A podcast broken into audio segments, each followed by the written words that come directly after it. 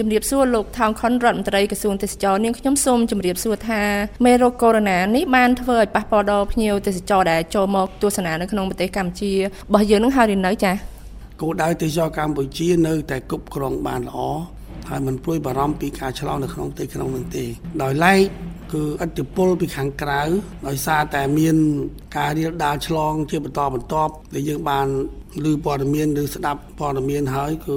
វាធ្វើឲ្យមានការព្រួយបារម្ភពីអ្នកធ្វើដំណើរពេលដែលមាន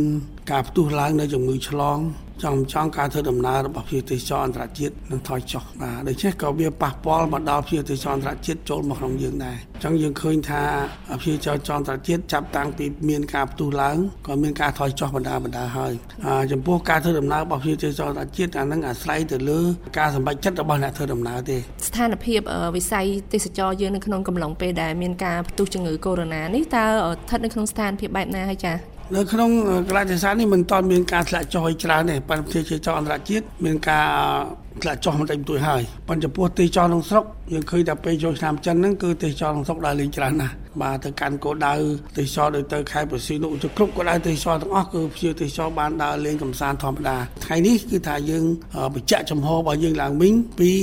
ថាយើងការពារនៅគោលដៅទេសចររបស់យើងថាយើងនៅតែរក្សាបានចឹងយើងជំរុញទេសចរក្នុងស្រុកនិងទេសចរផ្ទៃក្នុងឲ្យទៅកាន់គោលដៅទេសចរជាធម្មតាបាទប៉ុន្តែគ្រប់ពេលវេលាទាំងអស់ត្រូវតែអនុវត្តយកកិត្តិយសអនុវត្តទៅតាមការណែនាំរបស់ក្រសួងសុខាភិបាលដែលលោកបានណែនាំហើយ ចានៅក្នុងកំឡុងពេលដែលមានការផ្ទុះមេរោគកូវីដ -19 នេះតើខាងក្រសួងមានបង្កើតការត្រួតពិនិត្យទៅលើភ្ញៀវទេសចរអន្តរជាតិឲ្យគាត់ចូលមកជាពិសេសភ្ញៀវជនជាតិចិនយ៉ាងម៉េចទេចានេះគឺជាភារកិច្ចរបស់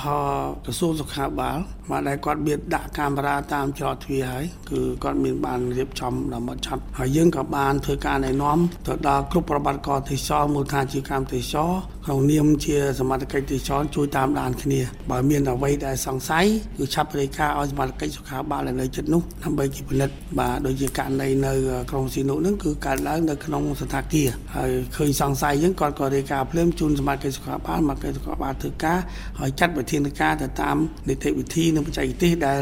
ក្រសួងសុខាភិបាលបានណែនាំដូច្នេះគឺយើងសហការមួយក្រសួងសុខាភិបាលពីបញ្ហាគឺថាជួយខ្លំមើលអ្វីឲ្យតាក់ទងទៅនឹងទេសចរនេះតើលោកគិតថាមេរោគកូវីដ -19 នេះអាចធ្វើឲ្យប៉ះពាល់ដល់ភ្ញៀវទេសចរមកកម្ពុជាយើងនឹងដល់កម្រិតណាដែរអាចារ្យអានេះចេះទេដោយសារតែយើងប្រឌិតទៅសម្រាប់ថ្ងៃយើងឃើញថាអង្គការទេសចរពិភពលោកគេបានប្រកាសហើយគឺថាឲ្យ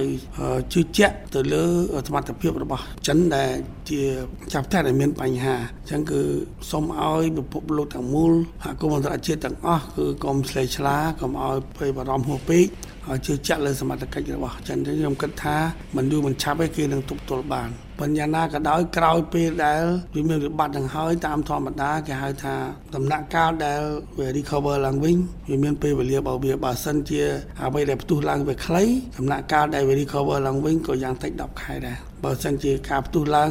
រយៈពេលវែងបានយើងប្រក្រាបបានអន្តរការ recover សម្រាប់វិស័យទេសចរហ្នឹងក៏ប្រហែលជា18ខែតាមអង្គការទេសចរពិភពលោកក៏ដូចជាអង្គការធ្វើដំណើរពិភពលោកគេបានវិយតម្លៃការអ្វីដែលការកើតឡើងពីសារ outbreak បាទការផ្ទុះឡើងជំងឺសារ MERS ស្អីហ្នឹងផ្សំយ៉ាងទាំងអស់គេមានពិសោធន៍កន្លែងហ្នឹងវាស៊ីសងទៅនឹងអ្វីដែលពេលដែលផ្ទុះឡើងគឺវិធានការទប់ស្កាត់រយៈពេលខ្លីរយៈពេលវែងនៅក្នុងឆ្នាំ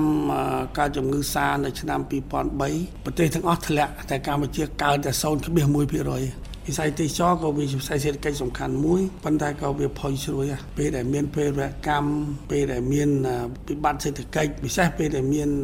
ជំងឺឆ្លងវាស្រួយវាធ្លាក់ព្រឹបភ្លាមភ្លាមវិធានការសំខាន់គឺមានតែជួយគ្នាទេជួយគ្នាប្រយុទ្ធអានឹងការរៀបដាល់នេះឲ្យបានខ្លាំងចានៅក្នុងឆ្នាំ2019ហ្នឹងនៅក្នុងខេត្តសៀមរាបភ្ញៀវទេសចរមានការធ្លាក់ចុះហើយខាងអ្នកដែលប្រជាជនយើងពឹងផ្អែកលើវិស័យទេសចរដូចជាមគ្គទេសទេសចរម្ចាស់សន្តាគារអីហ្នឹងគាត់អូនត្អែខ្លាំងមែនទែនពីប្រាក់ចំណូលគាត់ឲ្យគាត់ពិបាកហើយឥឡូវនៅក្នុងកំឡុងពេលនេះទៀតមានការផ្ទុះមេរោគបែបនេះកើតឡើងទៀតលោកគិតថាស្ថានភាពវិស័យទេសចរនៅក្នុងខេត្តសៀមរាបរៀបមួយដែលជាខេត្តស្រូបទាញភ្ញៀវ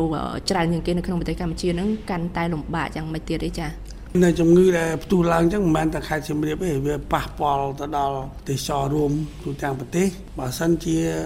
យើងគ្រប់គ្រងអត់បាន ហើយប៉ុន្តែបើសិនខាងដើមទីនោះគឺថាវាប្រើរយៈពេលយូរគឺកាន់តែប៉ះយូរប៉ុន្តែបើដើមទីហ្នឹងគឺវាមានការទប់ស្កាត់បានរហ័សរយៈពេលខ្លីដែលខ្ញុំនិយាយហ្នឹងគឺរយៈកាលដែលស្ដារឡើងវិញវាមានរយៈពេលខ្លីដែរបញ្ហាដែលផ្ទុះឡើងដោយកូវីដ -19 នេះមិនមែនប៉ះតែសៀមរាបទេបាទបើប៉ះប៉ះទៅដល់ភ្ញៀវទេសចរដែលចូលមកគ្រប់ទីកន្លែងនៅទូទាំងប្រទេសដែលគេមិនហ៊ានដើរ តើខាងក្រសួងនឹងមានគោលនយោបាយយ៉ាងម៉េចខ្លះនៅសម្រាប់តាក់ទាញភ្ញៀវទេសចរមិនថាជាតិឬក៏អន្តរជាតិទេនៅក្នុងកំឡុងពេលដែលមានការផ្ទុះមេរោគកូវីដ -19 នេះចា៎ហើយយើងបង្កើតក្រុមការងារមួយដើម្បីជំរុញនឹងការធ្វើធ្វើកិច្ចការងារនេះទៅទី1ទៅមានការផ្សព្វផ្សាយទី2គឺភាសាមួយផ្នែកឯកជនឲ្យមានការបញ្ចុះតម្លៃកាត់បន្ថយថ្លៃចំណេញឲ្យនៅទៀបហើយបញ្ចុះតម្លៃដើម្បីធ្វើឲ្យកញ្ចប់ទស្សនកិច្ចហ្នឹងវានៅទៀបហើយចលនាឲ្យមានជាខ្សែទស្សនកិច្ចរបស់សិស្សរបស់អ្នកធ្វើការរបស់យោជិកអីហ្នឹងគេថាទៅលេងកំសាន្តទៅតាមគោលដៅទេសចរទៅហ្នឹងគឺយើងក៏នឹងពិភាក្សាជាមួយសមត្ថកិច្ចពាក់ព័ន្ធដើម្បីពិនិត្យទៅលើបញ្ហាគោលនយោបាយពន្ធដារអីហ្នឹងយើងត្រូវទៅជែកភាសាគ្នាជាមួយក្រសួងពាក់ព័ន្ធថែមទៀតតើនៅក្នុងកំឡុងពេលដែលផ្ទុះមេរោគនេះវាអាចប៉ះពាល់ទៅដល់គោលដៅទេសចរ2020របស់ក្រសួងដែរទេចា៎ ខ្ញុំគិតទៅគឺប្រហែលជាប៉ះ2020នេះគឺខំប្រឹងយើងខំប្រឹងស្ដារបើសិនជាយើងមិនប្រឹងប៉ះច្រើនបើយើងប្រឹងអាចប៉ះតិចតួចបាទអញ្ចឹងយើងតើកើតប្រហែល10%ឬមិនដល់10%គឺបានយើងប្រសិទ្ធបាន7លាន យើងគិតថាបើយើងខិតខំធ្វើវាប៉ះតិចបើយើងមិនខិតខំធ្វើវាប៉ះច្រើននៅពេលនេះតើលោកមានសារអ្វីផ្ដាំផ្ញើដល់ភ្ញៀវទេសចរជាតិឬអន្តរជាតិយ៉ាងម៉េចទេនៅក្នុងសវត្ថភាពនៅក្នុងការធ្វើដំណើរទេសចរមកដល់ប្រទេសកម្ពុជាយើងចា៎ទី1ឲ្យជឿជាក់ទៅលើសមត្ថកិច្ចសុខាភិបាលជឿជាក់ទៅលើការដែល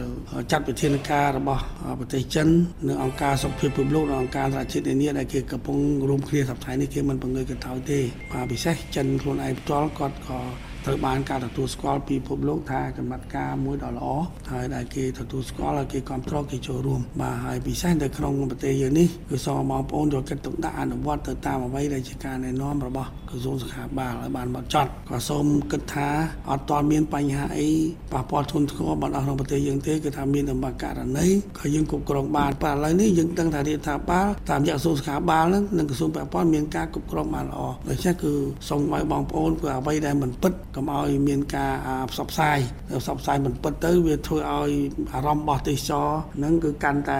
ភ័យខ្លាចនឹងការមកលេងស្រុកយើងទៀតប៉ុន្តែនៅពេលចំពោះមុខដែលមានការផ្ទុះឡើងជំងឺនេះគឺយើងនៅតែគ្រប់គ្រងបានជាគោលដៅទេសចរនៅតែមានសមត្ថភាពអញ្ចឹងសូមឲ្យបងប្អូននឹងណូហើយធ្វើការប្រកបបរអាជីវកម្មឬក៏ធ្វើដំណើរទេសចរនឹងជាធម្មតាប៉ុន្តែត្រូវយកចិត្តទុកដាក់ស្ដាប់នៅអ្វីដែលក្រសួងសុខាភិបាលណែនាំចា៎នាងខ្ញុំសូមអរគុណលោកដែលបានផ្ដល់កិច្ចសម្ភាសន៍នេះនាងខ្ញុំសូមជម្រាបលា